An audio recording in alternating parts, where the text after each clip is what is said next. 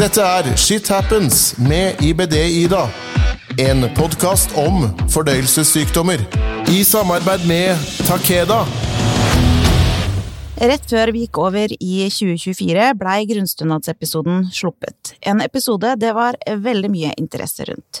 Først og fremst fordi Monica Wikstrøm, som er en av gjestene i dag, og forrige gang hadde høsten i 2023 gått ut i mediene og fortalt sin historie om matutgifter på 30 000 i måneden, som grunnstønaden ikke var i nærheten av å dekke. Dette på grunn av helse, da. Men også fordi en politiker på samme tid gikk ut i media og sa at alle med fordyret kost grunnet sykdom kunne få grunnstønad, noe som per nå er langt ifra sannheten.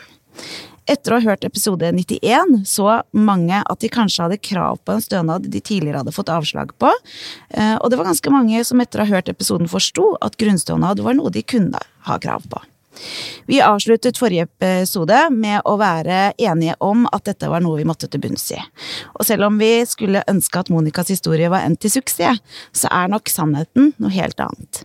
I denne episoden så har jeg med meg Monica sjøl, Mats, og som da er generalsekretær for Mage- og tarmforbundet, og politiker Bård Hoksrud. Før vi starter, så tenker jeg vi må ha en kjapp intro alle sammen. Vi begynner med Monica. Kan ikke du fortelle oss hvem er du? Ja, jeg heter Monica, som sagt, eh, og jeg har eh, to hunder, og så har jeg et ekstremt stort behov for mat. Ja. Eh, og det kan forklares med at jeg var veldig mye syk som ung, og det endte opp i en skjebnesvanger operasjon i ca. 2010. Mm. Og den ble, endte opp så alvorlig at jeg fikk beskjed av legene at ikke de visste om jeg ville overleve. Eller om kroppen ville overleve fordi det var for lite næringsopptak igjen. Mm. Og den gangen så fantes det ikke så mye som jeg har blitt kjent med i dag, Nei. av forskjellige ting. Men eh, det var jo Der og da var det nærmest en dødsdom for meg. Mm. Så det jeg gjorde, var at jeg tok eh, kontakt med en privat aktør som hjalp meg med å sette opp en diett og tok blodprøver for å se hva jeg tålte. Og i løpet av ett år så begynte jeg å legge på meg. Og da la jeg faktisk på meg 20 kilo. Eh, etter hvert, da, med Mm. disse årene. Eh, og dette her har jeg flere legeerklæringer på i dag, med samme dietten. Og jeg har sett tilbake i 2010. Og jeg skrev opp like mange entrecôter den gangen som jeg gjør i dag. Mm. Det er bare litt dyrere. Ja. Og og maten er- har jo blitt dyrere. Ja, Mm. det har det. Så, men jeg vil også nevne at på grunn av eh, dette, så har jeg fri innleggelse på sykehuset. Mm. Og det er en trygghet for meg, selv om heldigvis fram til i dag ikke har vært aktiv. Det er jo kjempebra. Vi gleder oss til å høre mer av historien din etterpå, Monica. Eh, Bård, hvem er du? Jeg er Bård Hoksrud, stortingsrepresentant for Fremskrittspartiet. Sitter nå i helse- og omsorgskomiteen som andre nestleder. Og helsepolitikk har noe som har engasjert meg hele livet, egentlig. Fra jeg begynte med politikk og før jeg blei politiker, så har helsepolitikk vært viktig for meg, og at folk skal få de, den hjelpa de trenger, når de trenger den. eh, Og det er viktig. Så har vi eh, han eh, godeste Mats, da. Ja, Hvem er du? jeg heter Mats eh, Johansson og er generalsekretær i Mage-tarmforbundet. Så vi er jo en interesseorganisasjon for alle som har en uh, mage-tarmsykdom. Og vi har jo vært uh, ganske engasjert i denne saken her, blant annet. For de som ikke veit noe om deg, Monica, uh, så må vi ta en sånn kjapp eh, gjennomgang av historien din og hvem du er. Og eh, fortell litt av bakgrunnen til at du tok kontakt med media eh, i fjor høst. Jeg erfarer jo da, må jeg si, at det Nav kommunale sosial blir en motstander i en kamp mot legevitenskapen. Mm. Spesialister, overleger og Helsedirektoratets ernæringsfysiolog faktisk som er med i utredningen min. Og det som skjer med meg, det kan skje med alle. Eh, Det har en skade som kan skje med helt vanlige folk, om du er statsminister, politiker, om du er rik, fattig eller hvem du er. Og det kan skje når som helst. Og grunnen til at vi skulle ha dette her litt fram, det var for å få fokus på nettopp det med mat og grunnstønad. Eh, og jeg vet jo, i dag har jeg fått mange tilbakemeldinger på at det er veldig mange som er takknemlige for at jeg står frem. Og det, det, det er det jo. Eh, og det, en har jo hørt mange historier etter at du kom fram med dette. Både eh, når det gjelder deg, eh, men også i forhold til flere som har eh, samme diagnose. Som også har fått avslag på å få denne grunnstønaden, eller få, få hjelp til sin fordyra kost, da. Mats, kan ikke du forklare litt hva grunnstønad er, eh, og hvilke kriterier det er for å søke på den? For du var jo innom det forrige episode, men jeg tenker vi kjører på igjen, vi. Ja, det kan være greit med en repetisjon. Ja. Eh, ja, grunnstønad det er jo en ytelse som Nav kan gi for å dekke ekstrautgifter pga. sykdom, skade eller nedsatt funksjonsevne. Og det kan gis til forskjellige ting, og én ting er jo da fordyra kosthold ved diett. Altså det er jo det vi skal snakke om i dag. Og de gis etter seks ulike satser, hvor laveste sats er på litt over 700 kroner i måneden. Og den høyeste satsen er på litt over 3600 kroner i måneden. Da. Og så er det noen kriterier for å få grunnstønad, da, og en av kriteriene er jo at disse ekstrautgiftene ved diett de må være varige. Eh, og så må de da minst tilsvare sats 1. Eh, og som hovedregel så må man også da eh, dokumentere disse ekstrautgiftene i form av å legge frem kvitteringer for tre måneders matforbruk. Og det er jo ganske omfattende og krevende, og det ser vi også, har jeg sett at Nav skriver i sitt regelverk, at det kan være krevende, og de kan også gjøre en skjønnsmessig vurdering da, hvis det ikke er mulig å dokumentere de utgiftene. Mm. Eh, og Et annet kriterium er jo at dietten må være vitenskapelig dokumentert og alminnelig anerkjent i medisinsk praksis. Også her så har Nav eh, mulighet for å gjøre en mer skjønnsmessig vurdering, eh, hvis det ikke er mulig å fastslå da om dietten er vitenskapelig dokumentert, og hvis man har en uttalelse fra en spesialist. Så Det tenker jeg er et viktig og godt unntak, som jeg håper Nav kanskje kan bruke mer. Ja. Ja, for det har jo, jo kanskje ikke vært brukt mest, i, det, i hvert fall i de sakene vi har vært borti. Eh, det kan man jo si. Monica, det du ønsker er vel egentlig å få grunnstønad eh, som er litt mer ut ifra hvilket behov man har, eh, og at spesialister som kjenner til din sykehushistorie, ikke nødvendigvis skal overprøves da av en Nav-lege eh, som kanskje du ikke engang har møtt. Eh, du ønsker å slippe å måtte velge mellom det å få mat på bordet og rett og slett overleve. Eh, for maten for deg er jo også medisin, det må jo virkelig sies. Altså, dette her er jo medisinen din. Uh, og for deg da, så er det viktig å ha råd til det, uh, og ikke måtte velge mellom mat og det å ha et sted å bo. Stemmer ikke det? Jo. Mm.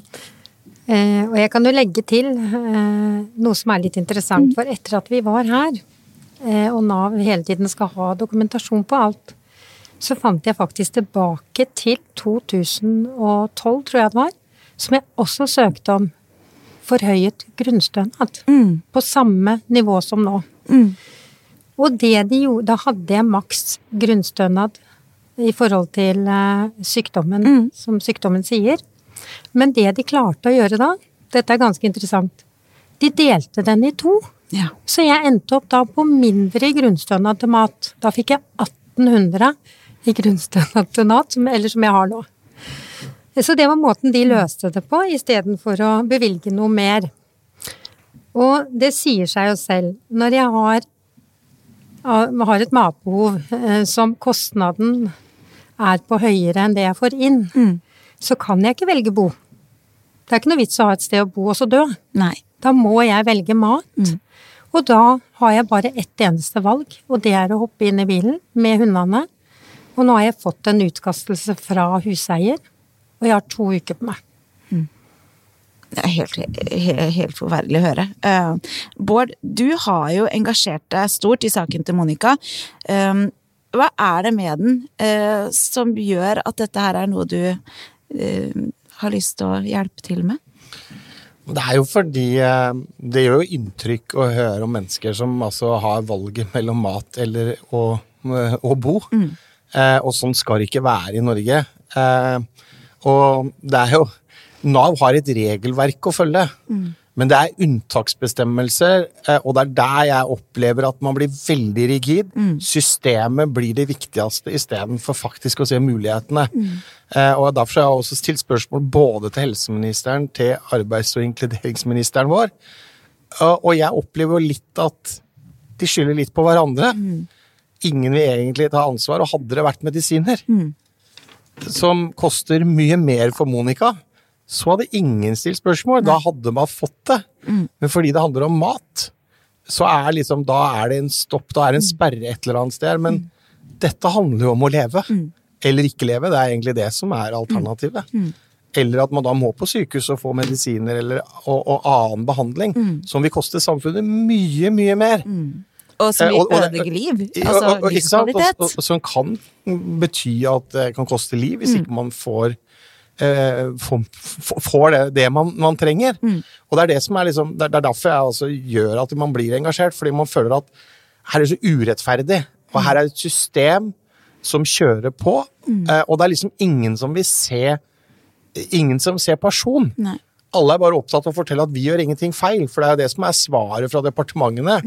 Vi gjør ikke noe feil, dette er sånn systemet er, dette er sånn regelverket er, og det kan vi ikke gjøre noe med. Og så sier men det er Nav som har ansvaret for å sørge for at eh, hvis man trenger sosialhjelp i Norge, så skal man få det fra Nav. Men det er jo Nav som er, er de som eh, eh, de som sier at vi kan ikke dette, fordi vi har ikke lov til å gi mer enn så mye stønad. vi kan ikke gjøre det. Og så prøver man da å løfte det opp på politisk nivå. Eh, og så opplever jeg at det er eh, embetsverk og systemet som bare er motstanderen din.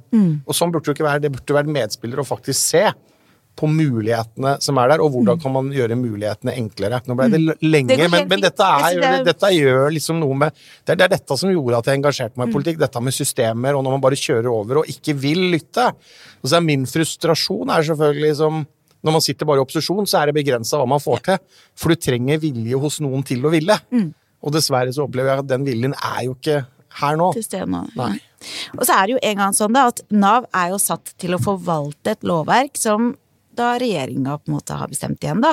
Eh, Så selv hvor fristende det er nå å sitte og kreve av Nav at nå må dere gjøre en forandring, så må vi vel høyere opp. Ja, men som jeg sier, det er noen unntaksmuligheter som jeg syns at Nav i, ja. i, kunne vært litt mer rause med Ja. å bruke. Men det er klart, for, for Monica, selv om man skulle få den høyeste satsen, så er man jo langt, Ja. langt unna det man trenger. Sånn at det må nødt til å løfte oss enda mer opp, og det er det vi prøver å løfte opp eh, videre. Men det er en sånn derre Det er noe motstand her som er litt vanskelig å finne hvor er egentlig motstanden. For alle, alle bare finner systemene istedenfor å tenke hvordan skal vi, altså, Kan vi finne noen løsninger her? La oss bli litt mer løsningsorienterte, og det er det jeg opplever at Monica står midt i den. Hvor det å være løsningsorientert, det er liksom ikke til stede. På tross av det. jeg har bare lyst til å si det, for jeg har også prata med arbeids- og inkluderingsministeren, og hun ser problemet. Men, men hun får sikkert tilbake fra embetsverket sitt at dette er helse. Ja. Helse sitt ansvar, fordi dette handler om medisiner, altså mat som medisin, og da er det helse. Eh, mens det er sosial er jo under arbeids og, sosial, eller arbeidsministeren vår. Men det er liksom, de, de har ikke ansvar for, for medisiner og mat. De, altså, Og midt inni den, så står jo så står Monica, Monica. i en livskrise, ikke sant? så det er jo kjempetøft. Mats var litt inne på dette med hvordan tolkninga av kriteriene kan misforstås, og eh, gjøre at svært mange faktisk eh, som har behov for dette, eh, denne stønaden, da, ikke får den fordi det tolkes feil.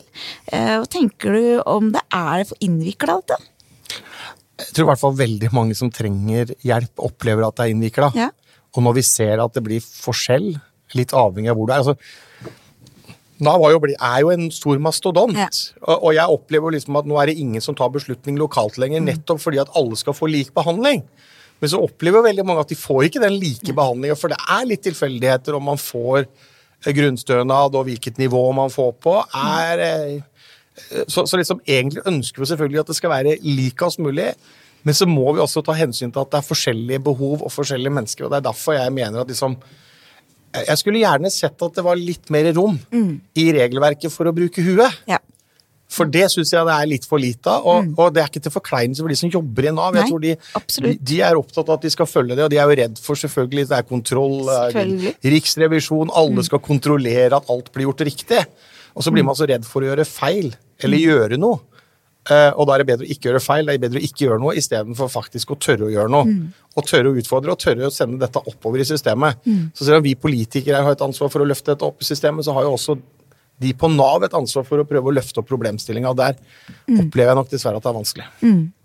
Uh, Mats, du har jo snakka litt om dette her, eh, du også. Dette med at eh, det kanskje kan være litt for vanskelig språk, og at de ikke kan helt forstå altså eh, kriteriene da, på grunnstønad. Ja, jeg tror jo det med at Nav har jo mulighet til å gjøre en skjønnsmessig vurdering. eh, Så, men spørsmålet er i hvilken grad gjør de det, og at det kan variere. Jeg tror de gjør det i for liten grad, som Bård er inne på. Eh, Og ut ifra Monicas tilfelle høres det ut som de ikke har gjort en skjønnsmessig vurdering. Nå kjenner ikke jeg saken inn i detalj, men det kan høres ut som de ikke har gjort det. Eh, Og jeg tenker problemet med å kreve at en diett skal være vitenskapelig dokumentert og alminnelig anerkjent, er jo at eh, kosthold er ikke eh, rett fram. Eh, folk reagerer forskjellig på kosthold. Det er vanskelig å forske på kosthold. Eh, det er ikke økonomiske intensiver til å forske på kosthold. Det er sjeldne diagnoser som gjør det enda vanskeligere å forske på kosthold, sånn som Monica har. Eh, men jeg tenker jo selv om vi ikke har ti forskningsrapporter å slå i bordet med, så betyr jo ikke det at kosthold ikke virker. Det betyr jo bare at vi har ikke forska på det enda. Og da mener jeg at vi må tørre å stole mer på de spesialistene som vi har satt til å være spesialister. Det ligger jo i navnet deres, de er spesialister. Eh, Så ja, en dokumentert diett er selvfølgelig ønskelig, men vi må ha et system som fanger opp personer som Monica. Ja, Vi- ja. Viser jeg for noe, for det, jeg Ja, synes det, vær det, så det, er god, det, kjør det er på. dette som er litt kjernen her. At man skal liksom vitenskapelig dokumentasjon, forskning. Altså, vi må jo ha tillit til de legene som Monica og andre møter. Eh, fordi det ikke fins forskning på dette. For det er som, som du sier, det, er ikke, det er jo ikke, det er ikke incitamenter for å drive forskning på dette med mat. Nei. Eh, I hvert fall ikke i forhold til sånne sårbare grupper, og som er få. Eh, og, der, og derfor mener jeg at da, da må man i hvert fall lytte til fagfolka, legene, de som foreskriver, de som har vært og fulgt pasienten over tid. Men de er jo heller ikke, fordi det er, det er noen egne i systemet som skal bestemme. Ja. Det er en utfordring. Og det kommer vi tilbake til litt seinere. Monica, eh, vi må snakke litt mer om hvordan du har det i dag. For det tror jeg ganske mange lurer på. Selv om det bare er noen måneder siden sist, så regner jeg med det har skjedd litt. Eh, for selv om hvor mye vi skulle ønske da at eh, ja, du hadde fått gjennomslag i din sak, så skjønner vi at sånn er det ikke. Den er vel heller kanskje mer innvikla enn sist, vil jeg jo tro. Eh, eh, kan ikke du fortelle oss litt om hvordan du har det i dag? da? Det kan jeg gjøre, men jeg har bare lyst til å legge til eh, det Bård Hoksrud sier, og det er helt korrekt. At vi har fått svar fra statsråd, statsråd er rett betegnelse på rollen, ja. Eh, og da fikk jeg faktisk et svar som eh, Hoksrud nevner her, et klipp fra lovverket som handler om blant annet Mm. Men ifølge min lege så kan det være farlig for meg å gi dehydrering, og da kan jeg få nyresvikt. Sånn at det her gjør faktisk de feil. Ja, og ikke sette seg inn i saken. Det syns jeg er veldig viktig at de gjør. Men det jeg kan fortelle om, er jo at eh, da, Jeg kan jo ta fram litt om hva som har skjedd i forhold til Nav, Ja. hvor de overtar litt rollespill her. Eh, og da vil jeg lese det jeg har skrevet, eller ikke helt direkte, men i ett av brevene fra Nav så står det vi må prøve alt. Og det stemmer jo i Nav sitt lovverk. Men så kommer feilen, som de bryter norske lover. Vi mener derfor at du må begynne på medisinen. Eh, og min lege som utreder meg, skrev i lege, legeerklæringen etterpå at han undret seg hvordan Nav kunne pålegge meg den dyre medisinen når ikke den var i Nav sitt eget budsjett. Da er vi inne på det. Hvilket budsjett er det det det er krangel om? Er jeg en budsjettsak nå? Uh, og i et annet brev fra Nav eh, så irettesetter veileder meg for å spise feil mat. Hvordan vet hun at jeg spiser feil mat?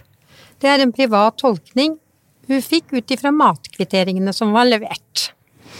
Og det her skjedde under en utredning som Nav selv hadde etterlyst. Og, de, og, jeg, og når hun da overgår legene, så blir jeg veldig redd.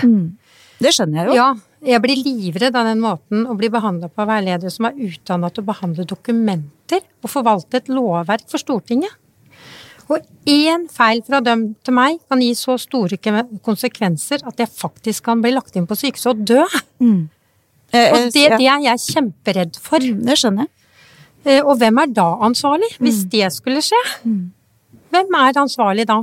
Og vi er igjen inne på dette her, ikke sant? Med Ja. at man ikke eh, At man må la legene få lov til å ta avgjørelsen for din helse, og så må man på en måte eh, jobbe mer i team. Da må kanskje jobbe litt mer sammen for å løse den saken her. Og så som sagt så er spesialistene på feltet, da, de kjemper en kamp sammen med meg. Og så kjemper Nav imot. Det syns jeg er veldig rart. Eh, og hvem ville vel valgt et, å, å bo på sykehuset framfor å leve et normalt liv? Jeg har jo faktisk ikke flere liv å, å gå på. Jeg har Nei. fått ett liv én gang i gave. Mm. Men jeg har også lyst til å nevne bare at det- det jeg heller ikke klarer å forstå, da, som vi prater om, det er at Nav kan overgå forskning og spesialister. Jeg mener jo det at leger står Eller det er min oppfatning. At en lege kjenner til forskning. Eh, og fra 2010 fram til i dag har jeg seks legeerklæringer fra fire forskjellige spesialister. Og nå under siste utredning, i tillegg sammen med ernæringsfysiologen fra Helsedirektoratet. Og jeg føler meg trygg sammen med dem. Jeg blir veldig utrygg og redd når Nav korrigerer det spesialistene skriver. Og det stresser meg ekstremt mye.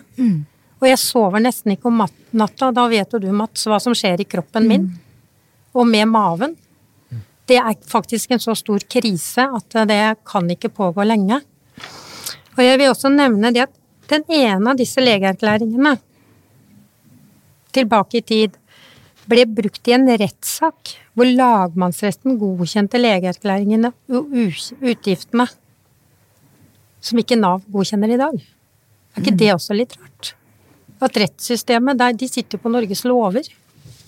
Bård, syns du det er greit at Nav i noen tilfeller eh, nærmest bruker litt sånn eh, form for eh, Det er jo en form for litt sånn trussel, på en måte, da, overfor eh, deg som bruker, når de ber deg begynne på en medisin som legene dine ikke er helt enig i. Hva tenker du om det? Det er jo veldig spesielt, fordi Nav sitt ansvarsområde er jo noe helt annet enn å være lege. Det, hvis de har leger, så er det egne leger som gjør det i Nav. Og en veileder skal ikke begynne å overprøve faglige ting som eh, spesialistene i helsevesenet gjør. Eh, men det er jo litt sånn eh, frustrasjon også, syns jeg, at det er litt sånn hvem har ansvaret her, og alle egentlig skylder på den andre. Og det er jo ikke tvil om at Monica er i ferd med å bli den budsjettposten. Ja. Eller kampen om hvem som skal ta regninga. Ikke budsjettet, men hvem som skal ta regninga. Og er det Helsedepartementet, eller er, eller er det Nav? Eh, og det er jo det som er synd ofte, og det er der jeg ofte ser at de sakene hvor man detter mellom, så er det sånn at ingen tar ansvaret, og det er vanskelig å politisk klare å løfte og si at den eller den skal gjøre det. Fordi det ligger litt sånn i gråsone her, for det er Nav som egentlig har ansvaret for livsopphold. Det er Nav som skal sørge for at du kan overleve, og så er det helsevesenet som skal sørge for at du får de medisinene og den, mm. det du trenger. Men så har da den ene det, Dette blir liksom ikke ma Vanlig mat blir ikke regna som medisin. Nei. Selv om i en diett og alt det der, så er det jo det. Men da kommer vi tilbake til forskning igjen, og så sier Nav at dette kan ikke vi eh, bidra med, for det har vi ikke det, det har vi ikke rett til innenfor vårt regelverk. Og da er det regelverk og budsjettene som egentlig, eller regnskapet hvem som skal betale, eller hvem skal ta regninga, som avgjør hvordan det skal gå eller ikke gå. Og, og det er liksom sånn Jeg har sagt det til Monica, har egentlig litt sånn, vært litt sånn som sagt at ja, Utfordringa Monica, er at det skjer ikke noe før du flytter ut i den bilen Nei. før du ikke lenger har det, den leiligheten å bo i. Fordi da tror jeg da står eh, alle medier og alt mulig der, og vi finner løsning. Da kommer også statsråder og andre. Dette Det kan vi ikke leve med i, i, i Norge i 2024. Og det er utrolig frustrerende.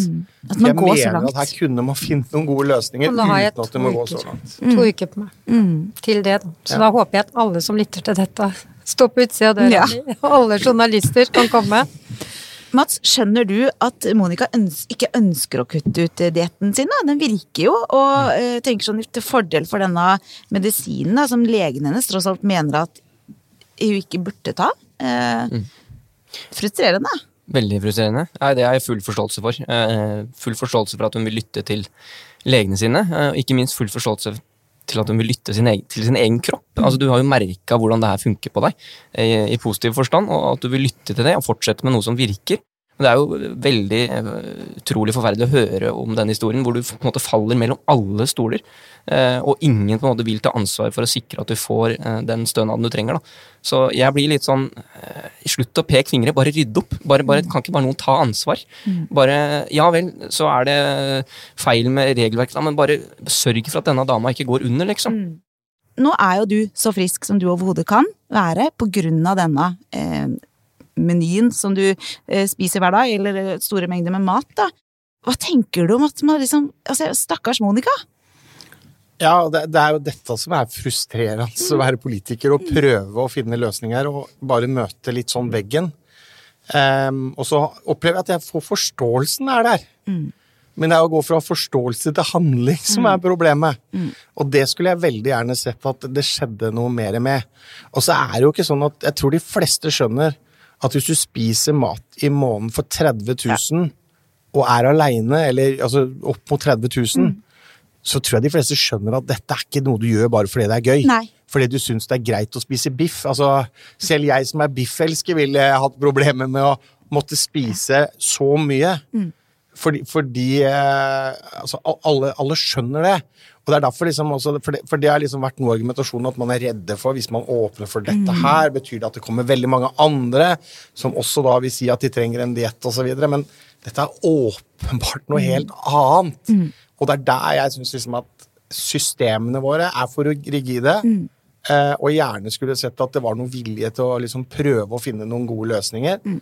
Eh, og, og, som sagt, det handler om å ha noen åpninger i regelverket som gjør at det går an å bruke sunt fornuft, mm. huet, og faktisk lytte til faglige innspill. Mm. Fordi jeg er politiker, jeg kan ikke faglig mene å overgå en, en lege i forhold til det faglige. Mm. Men, men, det jeg kan gjøre som politiker, er å si at la oss lage et regelverk. Vi skal ha systemet, vi skal sørge for at det er ivaretatt. for det er klart det handler om sant, misbruk, penger, alle de tinga der som kommer. Og hører, hører dette her, ikke sant? Mm. Det er noen som sitter på pengene i Finansdepartementet som er opptatt av vi må, ikke, vi må bruke pengene riktig og sånn, mm. men dette handler jo åpenbart at det er noe, altså, dette er noe som trenger, og da må vi ha de mulighetene til å kunne mm. finne de gode løsningene for menneskene, for det handler om For Monica kan det være liv eller død. Ja. Og det er jo det dette handler om. Mats, vi må også innom en annen ting i forhold til grunnstønaden. Du var jo litt inne på det. Den derre eh, vanskeligheten med å faktisk bevise eh, altså at du har behov for dette. Jeg vet om ei dame som sa til meg at eh, hvordan kan jeg bevise at jeg har, kan, eh, eller har behov for dette, når jeg ikke engang har råd til å altså, kjøpe det i første omgang. Og der står man jo, ikke sant. Og eh, velviljen, som du sa, har kanskje ikke vært så god til å eh, bruke skjønn her. Mm. Håper du det vil forandre seg? Tror du det vil forandre seg? Ja, jeg må velge å tro på det. Eh, ellers så blir det for eh, negativt oppi hodet mitt her nå. Jeg må tenke positivt at vi skal klare å få til en endring, og jeg tror nok at saken til Monica bidrar til at vi kan få til en endring. Så jeg er helt avhengig av at du står fram med saken din, så det, igjen, tusen takk for det. Eh, men ja, dette med å dokumentere utgifter det, i tre måneder, det er krevende for alle. Og veldig mange gir opp i forsøket på det. Og jeg tenker jo at ok da, hvis man først skulle krevd dokumentasjon på utgifter, så tenker jeg det hadde holdt med to til tre uker. Altså jeg tror, Hvis du hadde sett den gjennomsnittlige kostnaden på to til tre uker i, mat kontra tre måneder, så ville du landa på omtrent det samme. Mm. Så tre måneder er ganske ekstremt mye, tenker jeg. Eh, så det er jo et moment man kan eh, tenke på. og Det andre har jeg vært inne på, dette med vitenskapelig dokumentert mm. og diett og sånn. Det er et greit utgangspunkt, men man må tørre å stole på spesialistene der det ikke foreligger nok forskning da, på en bestemt diett. Og det gjelder jo spesielt for din tilstand. Da. Der er det jo ikke forska veldig mye på akkurat den eh, diagnosen og, og dietten. Eh, men du har tross alt, er det ikke tre leger eller noe sånt som har anbefalt at du skal gå på den dietten, og da må vi jo stole på det. Fire. Eh, fire, ja, ikke sant. Og Helsedirektoratets uh, ja. ernæringsfysiolog. Ja. Det, det, siste er jo det, det, her med de satsene, som også Bård har vært inne på, at det, det, blir veldig rigid når vi bare skal forholde oss til disse satsene, og ikke har noen sånn unntaksmulighet. Jeg tenker vi må lage et regelverk som ikke tilpasses tilfeldige satser. Mm. Vi må jo ha et regelverk som tilpasses menneskers faktiske behov. Så uh, det er den fleksibiliteten jeg savner da, mm. i systemet. Og Monica, nå står du rett og slett i fare for å flytte ut i bilen din. Ja. Og jeg har til og med eh, gått så langt for å forberede meg, for jeg begynner jo å miste troen her ja. på at noen kan ordne seg. Vi har holdt på nå i over to år, to og et halvt år i en kamp. Mm. Og det virker ikke som de har noe forståelse, uavhengig av hva jeg leverer inn av dokumentasjon. Så jeg har nå spurt i kommunen hvor jeg kan stå med bilen om natta. Mm. Hvor jeg kan dusje, gå på do, lage mat, vaske klær og sånt noe. Og det får jeg ikke svar på, og det stresser meg så innmari mye at jeg har lyst til å begynne å gråte, for det er snakk om to uker. Mm.